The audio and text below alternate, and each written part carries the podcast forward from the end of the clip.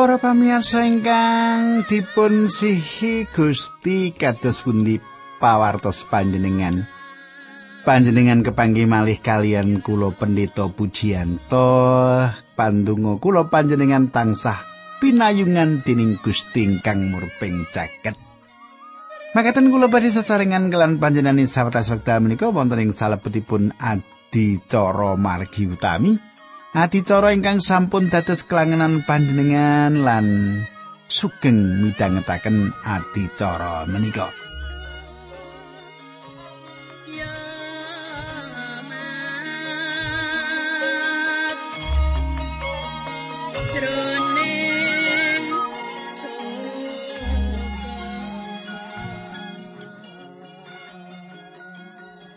Pamirsa, kula badhe ngringkes menapa ingkang dados pepanggihan kita kepengker. Kita sampun nyemak kados pundi Paulus dipun andhapaken medal tembok kita mawi keranjang supados saged lolos saking tiang-tiang ingkang badhe mejahi piyambakipun. Kita badhe lajengaken lan kita ndedonga langkung rumiyin. Duh Kanjeng Rama ingkang adhedhampar wonten kraton ing kasuwargan kawula ngaturaken gunging panuwun menawi menika kawula saged tetunggilan malih kalian sederek-sederek kawula ingkang setya tuhu midhangetaken adicara menika. Kawula masrahaken wonten ing asta paduka adicara menika nyuwun dipun tuntun linambaran asmanipun Gusti Yesus kawula ndedonga haleluya amin.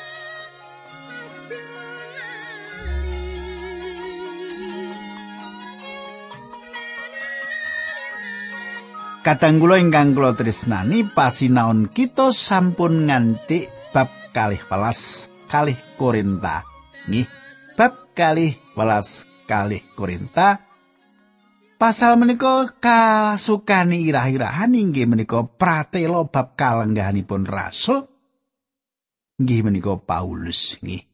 Pratela bab kalenggahanipun rasul kegayutan kalian Paulus. Kita kata miring tiang kisah dateng luar angkasa zaman samenika nggih. Kisah dateng luar angkasa menika dados pirembagan ing taun-taun swida lan pitung puluhan makaten. Manungsa sampun dumugi bulan. Sayatosipun boten patos tebih ing wedal tiang dateng bulan para pamirsa. Adohipun dateng bulan, tebihipun dateng bulan panci tebih sanget. Nanging boten wonten tegesipun menawi kebanding doipun dateng lintang Mars lan planet-planet sanesipun. Selajengipun ing wekdal dipun ukur doipun tiang kisah luar angkasa manut ilmu perbintangan Andromeda, sejatosipun manungsa dereng kisah tebih sanget. Ingkang kedah dipun gatosaken inggih menika kitab suci sampun nyerat gegayutan tiang tiga ingkang sampun dateng luar angkasa. Selajengipun wangsul malih. Sanes tokoh-tokoh ing perjanjian lami ingkang yang semakin inggih menika ngrembak kitab suci tentu wonten ingkang badi pitaken. Kados pundi kegayutan kalian Henok lan Elia, Pak? Kulo gadah pemanggih bilih tiang kalih menika kapulung dateng swarga. Gusti Yesus paring pangandikan Yohanes 3 ayat 13. Ora ana wong siji-siji kang sumengko menyanging swarga kejaba mung panjenengane kang wis tumurun saka ing swarga yaiku putrane menungsa.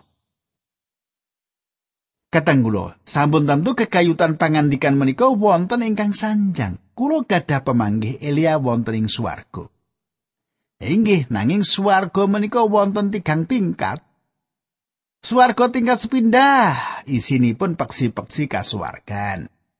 Suwarga ingkang tingkat kalih, isinipun lintang-lintang kasuwargan. Suwarga ingkang kaping tiga, inggih menika papan makuwonipun Gusti Allah. Elias mengko ngantos ing luar angkasa. Ngantos medal Gusti Yesus meratelaken pangandikan menika saged ugi mboten wonten tiang satunggal kemawon ingkang nate kisah dateng luar angkasa. Gusti Yesus ngendika pilih putrane manungsa mandap saking swarga. Kita mangertos tiang kalih ingkang nate dateng swarga lan wangsul malih. Rasul Yohanes ing wekdal wonten ing kepulauan Patmos kaangkat kapulung dhateng swarga. Rasul Yohanes nyerat menapa ingkang sampun dipun tingali lan dipun pirengaken wonten ing kitab Wahyu. Rasul Yohanes wonten ing kasuwargan tingkat kaping tiga papan Gusti Allah ada dampar. Cepi panjenengan semak Wahyu sekawan ayat tunggal ngantos kali. Sawuse mengkono aku weruh lah lawange swarga ana kang mengo sarta ana swara kang wis ndarungu biyen ngandikane aku kaya suarane kala sangka mengkini sira munggah mrene bakal suntedai apa kang sawise iki pinesti kelakoning tembi. Padha sanalika aku kalimputan ing roh lan ing swarga ana dampar kapasang lan kang lenggah ing dampar iku. Kadang kula Paulus inggih menika tiang sanesipun ingkang kaangkat dhateng swarga seratanipun wonten ing salebetipun pasaling ngajeng kita mangki. Awit saking menika wonten tiang tiga ingkang nyariosaken babagan kasuwargan menika. Gusti Yesus Gusti Allah ingkang manjalmo dados manungsa. Panjenenganipun langkung mangertos ditimbang kalian sinten kemawon. Nanging panjenenganipun namung ngendikan sekedhik babagan swarga menika. Yohanes namung sanjang sekedhik babagan kasuwargan. Paulus mboten mangertos kedah sanjang menapa babagan kasuwargan menika. Paulus nyukani mangertos satunggalipun perkawis sing mriki inggih menika piyambakipun babar pindah mboten nyebataken swarga menawi piyambakipun mboten kepeksa kangge mbelani kalenggahanipun minangka jejering rasul. Rasul Paulus meratelaken anggenipun dateng luar angkasa. Pengalaman Paulus. Cobi panjenengan semak kalih Korinta kalih welas saya setunggal kula waosaken nggih.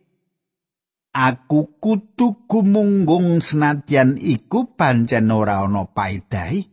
Ewa semono aku arep martakake bab tetinggalan lan wahyu-wahyu kang ndak tampa saka Gusti Allah. Kadang kula Paulus ndaftar sawetawis lelampahan ingkang nedahaken kados menapa anggenipun nandang sengsara demi Sang Kristus. Mboten kathah kamulyaning mriku. Manut kula sang roh Allah ingkang nuntun Rasul Paulus nyerat pengalamanipun supados boten wonten satunggal tiang menika ingkang sanjang aku mikul luwih abot ditimbang karo Rasul Paulus. Para pamirsa Gusti Yesus kemawon ingkang kedah dipun mulyakaken nggih. Aja mulyakake awake dhewe gitu. Jaman samenika kita mirengaken tiang ngaturaken seksi. Sae wanita lan priya kegayutan-kegayutan gesangipun ingkang sampun dipun ribah. Kita arang mireng ewa-ewan ingkang limprah. Ingkang kula srating salebetipun tiang ngaturaken pasaksi inggih menika papan ingkang dipun lenggahi Gusti Yesus.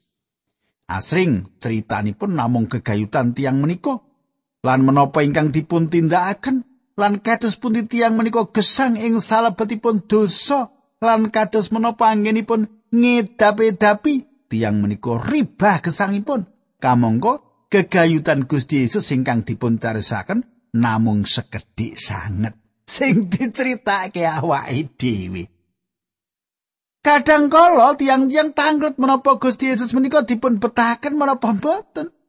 Tiang menika sekedhik sangat muji lan mulyakaken Gusti ing salebetipun tiang menika ngaturaken paseksi. Kadang kula Kulo nembe kemawon nampi serat saking salah satunggalipun pamiarsa. Kulo mertobat saking aturan-aturan agami dumateng Sang Kristus. Para pamirsa tiang menika andadosaken Gusti Yesus satunggal tunggalipun ingkang dados punjering gesangipun lan pendamelanipun. Tiang menika gadah kekajengan mindak-mindak ing salebetipun pitepangan kalian Gusti Yesus Kristus inggih menika ingkang penting. Sasampunipun nyukani mangertos kita kados menapa anggenipun nandang sengsara demi Sang Kristus, Paulus mlebet ing salebetipun tetinggalan lan wahyu ingkang saking Gusti. Kita sampun mangertos bilih Gusti ngatingalaken sariranipun dumateng Paulus ing margi dateng Damsik. Menapa nate panjenengan ngatosaken wekdal Paulus ngaturaken paseksi piyambakipun namung sekedhik sanget cariyos kegayutan pribadinipun salajengipun menika lelampahan ingkang sanesipun. Jepi panjenengan semak ayat kali. Kali Korinta kali welas ayat kali. Aku weruh sawijining wong Kristen 14 tahun kepungkur embuh ing sajroning badan aku ora mangerti, embuh ing sakjabaning badan aku ora ngerti, Gusti Allah kang nguningani wong iku dumadakan diangkat menyang ing tataran kang katelu ing swarga. Kadang kula Paulus meratelaken kegayutan pengalamanipun kapulung dateng swarga tingkat tiga. Piyambakipun nyukani kapan menika dumados, piyambakipun meratelaken perkawis menika dumados kawan belas tahun saderengipun Paulus nyerat serat kintunan menika. saged ugi wedal Paulus badhe nindakaken kekesahan ngelaraken Injil ing kawitan. Cupi panjenengan semak para rasul sekawan ayat 19 ngantos kalih dosa. Nanging banjur ana wong Yahudi kang padha teka saka ing Antioquia lan Ikonium kang padha mbebujuk wong akeh wasana Rasul Paulus banjur dibenturi watu lan kasret menyang ing sanjabaning kutha jalaran dikira wis sedo. Nanging bareng karubung tining para siswa panjenengane nuli wungu lan banjur lumebet ing kutha, esuke banjur tindak menyang ing Derbe bebarengan karo Rasul Barnabas. Para pamirsa menapa piyambakipun pecah? Manut kula tiang tiang ingkang nganiaya menika mboten badhe mbucal dhateng ing mriki menawi tiang-tiang menika mboten yakin menawi Paulus saestu estu pecah. Pemanggi kula pribadi para pamirsa inggih menika Gusti Allah akan Paulus saking pati. Paulus radi mboten yakin menapa lelampahan menika satunggalipun tetinggalan utawi menapa piyambakipun menika wonten ing kasunyatan. Ing mriki cetha sanget bilih Paulus nyetakaken pengalamanipun piyambak. Kula lajengaken ayat 3. Aku ya weruh wong iku mbuh ing sajroning badan, mbuh ing sakjabaning badan, aku ora ngerti Gusti Allah kang nguningani. Kadang kula menapa Paulus saestu-estu pejah lan kaangkat dateng swarga utawi Paulus dipun gebuk ngantos semaput lan lajeng nampeni tetinggalan. Paulus mboten dogmatis kegayutan perkawis menika lan kita ugi kedah asik ingkang sami. Kados ingkang sampun kula aturaken, Kulo yakin piyambakipun pecah lan Gusti Allah mungokaken Paulus saking pati nanging hasilipun tetep sami. Piyambakipun ningali tingkat tiga kasuwargan. Panjenengan katasaken catatanipun.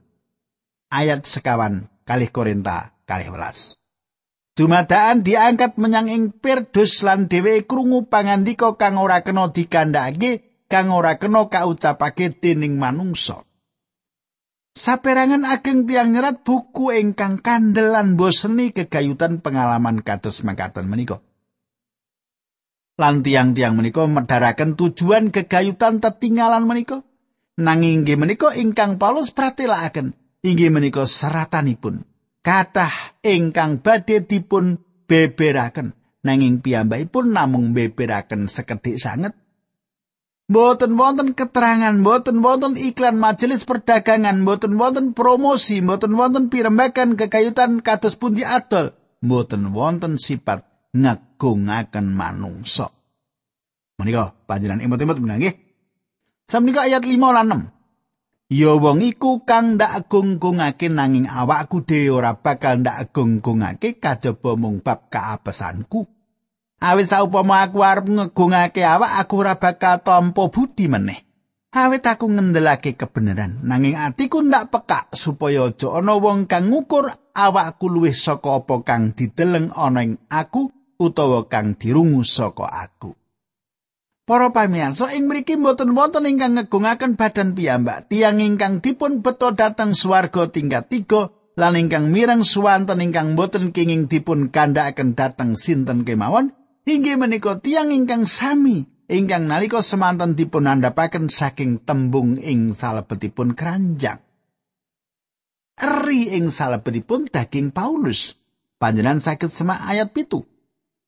Lan supaya aku aja ngunggul-unggulake awak marga saka anane wahyu-wahyu kang linuwe iku, Aku banjur kakanjar ari ing dagingku yaiku sawijining kongkonane iblis kang dikon mbiteni aku supaya aku aja nganti ngunggul-unggulake awak. Para pamirsa Paulus meratelaken dumateng kita gegayatan keringkian-karingkianipun nanging piyambakipun mboten meratelaken kekayutan swarga tingkat ingkang kaping 3. Kenging menapa? awit piyambakipun mboten dipun keparengaken Gusti Allah nyanjangaken babakan menika. Manut kula makaping-kaping iblis budidaya ngendhekaken seksi-seksi Allah saking bumi menika. Iblis kepengin bucal para seksi menika. Iblis ngginakaken sakit penyakit eri ing salebetipun daging. Menapa eri ing salebetipun daging Paulus?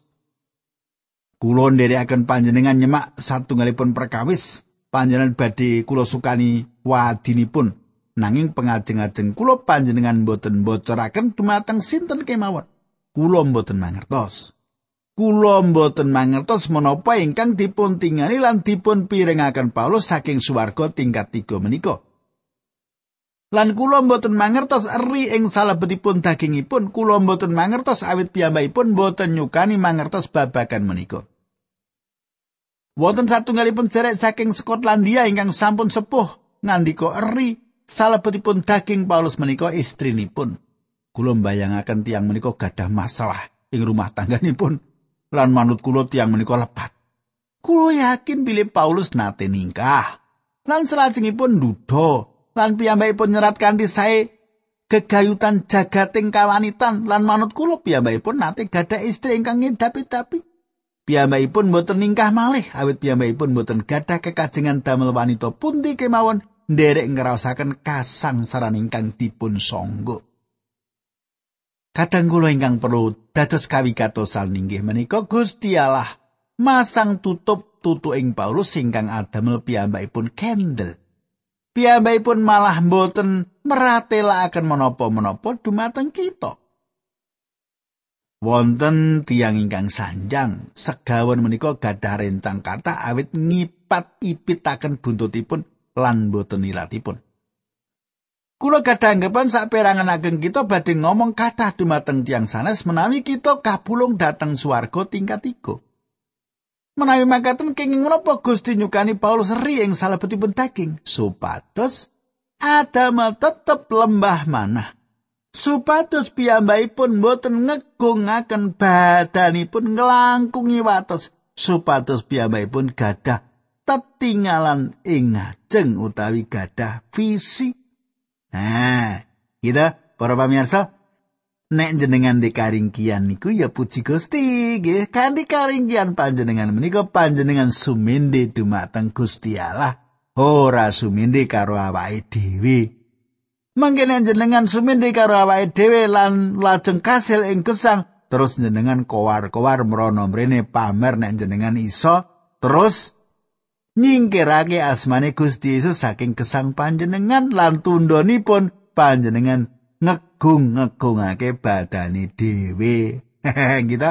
Lah Paulus e dikaringkian kok gitu. Niku rasul gedhe luwe-luwe pujian to arun jenengan ya apa gitu. nek ndi karingkian puji Gusti nggih kanthi karingkian menika kita sumende dumateng Gusti Allah. Kula lajengaken ayat 8 kalih Korinta kalih welas. Munggo papiku aku wis kaping telu ngaturake panyuwun marang Gusti supaya kongkonan iblis iku sumingkira saka aku. Ayat 9 Nanging paring wangsulane Gusti marang aku sih rahmating sun iku nyukupi marang sira awit kuasa ningsun iku malah kasampurnakake ana ing sajroning kaapesan. Awit saka iku aku luwih seneng ngegungke kaapesanku supaya panguwase Sang Kristus dumunung ana ing aku. Para pamirsa panginten kula ingkang dados masalah Paulus inggih menika paningalipun ingkang saestu awon. Ewedam lepet ing salebetipun serat kintunan dumateng pesaman Galatia, Kita mangertos bilih piyambakipun nyepataken kedah nyerat kanthi aksara ingkang ageng-ageng. Ingkang nedahaken bilih mripatipun kirang sae. Kita badhe ngrembak mangke. Menapa kemawon ingkang sinerat eri menika? Paulus nyuwun dumateng Gusti Allah supados ngicali eri menika ngantos kaping tiga panyuwunipun nanging Gusti Allah mboten kersa. Gusti mirengaken panyuwunipun Paulus ingkang kawitan lan kaping kalih lan kaping tiganipun. Mboten ateges Gusti mboten mirengaken pandunganipun Paulus nanging nggih menika jawabanipun Gusti mboten kersa ngicali eri menika. Kadang kula Kulo lan panjenengan terus nyuwun dumateng Gusti menapa ingkang sampun dipun jawab Gusti ora. Menawi Gusti Allah mboten ngijabahi menapa ingkang kita suwun pramila kita gadah pemanggi pilih Gusti Allah mboten ngijabahi menapa ingkang dados donga kita. Gusti Allah asring maringi jawaban donga ingkang kula aturaken kanthi jawaban ora. Nanging tundhonipun kula mangertos pilih paring wangsulanipun Gusti ora menika ingkang paling sae tumrap kula. Gusti paring pangandikan dumateng Paulus, sih rahmating suniku nyukupi marang sira. Gusti Allah boten badhe ngicali eri nanging Gusti Allah badhe paring sih rahmat kangge nyandang eri menika. Inggih menika ingkang ngedap-edapi piyambak. Awit kuasanipun ingkang malah kasampurnaaken ana ing sajroning kaapesan. Kanthi tembung sanes cetha sanget ing salebetipun peladosan Paulus bilih ringkih secara kajasmanen dados jalaran Sang Roh Allah ngiyataken piyambakipun.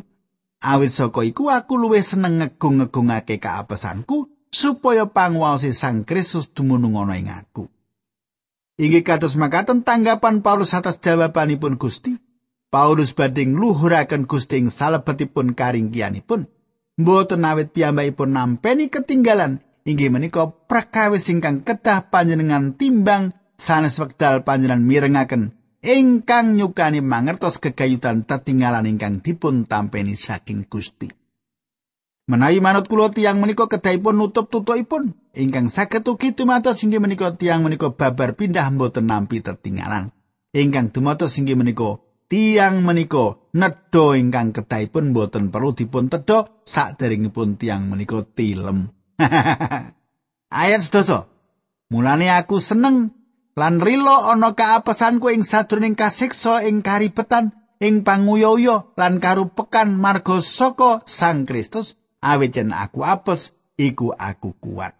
Para pamirsa, lelawanan sanget tiyang menika kalian Simpson ing salebetipun perjanjian lami. Sang Roh Allah manunggal atas Simpson lan piyambakipun dados kiat.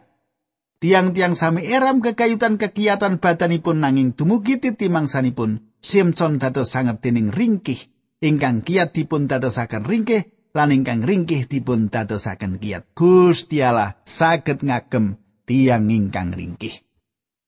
Kulo lajengaken ayat 11. Aku wis dadi tanpa budi temenan nanging kowe kang padha meksa marang aku. Bener aku kok alembono awit senajan aku ora ana tegese babar pisan nanging sabu barang kabeh aku ora kalah karo para rasul kang pinunjul iku. Panjenengan katosaken kados bumi Paulus nyetakaken kanthi jembar. Paulus nyuwun pangapunten malih sinau sesampun makaping-kaping nyuwun pangapunten saderengipun. Paulus nganggep batanipun langkung asor tinimbang para rasul sanesipun nanging piyambakipun meratelaken. Nanging ing samubarang kabeh aku ora kalah karo para rasul kang pinunjul iku.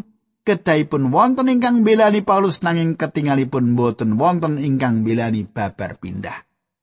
Ayat 12 Titi aris yen aku dadi rasul iku wis kacihno ana ing antaramu kalawan saking sabar mantep. Kalawan pratondo-pratondo mujijat-mujijat lan kasekten-kasekten.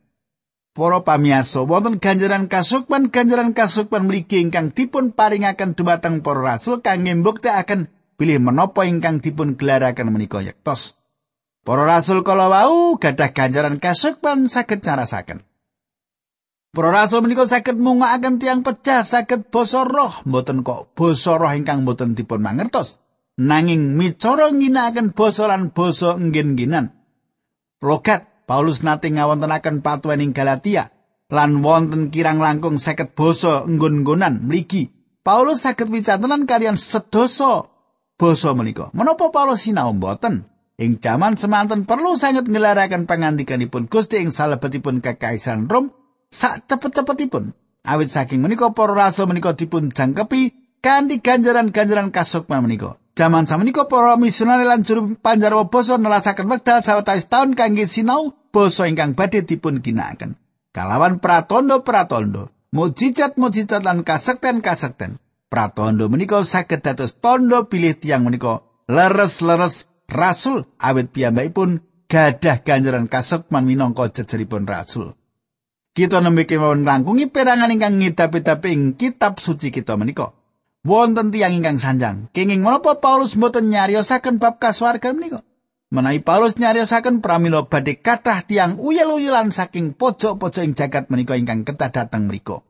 Kula mboten mangertos menawi dumados ingkang kados makaten nanging panjileres menawi kita namung nelasaken wedal kangge ngegilut bab swarga lan kecaran kawigatosan kita dumateng jagat ingkang kesasar ingkang betahaken jero wilujeng menika.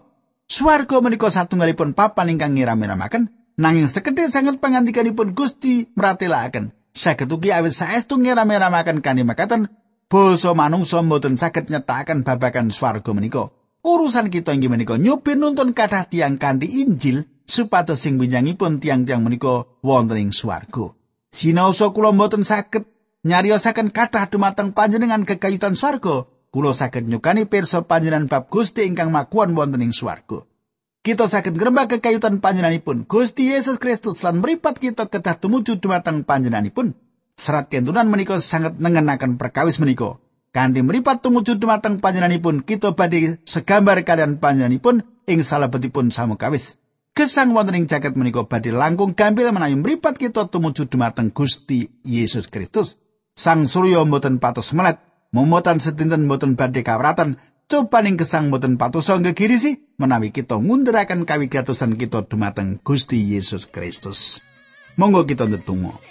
Kanjeng Rama ing swarga matur nuwun kawula sampun mbabaraken pangandikan paduka berkahi sanak kateng kawula linambaran asmanipun Gusti Yesus kawula netunggal haleluya amin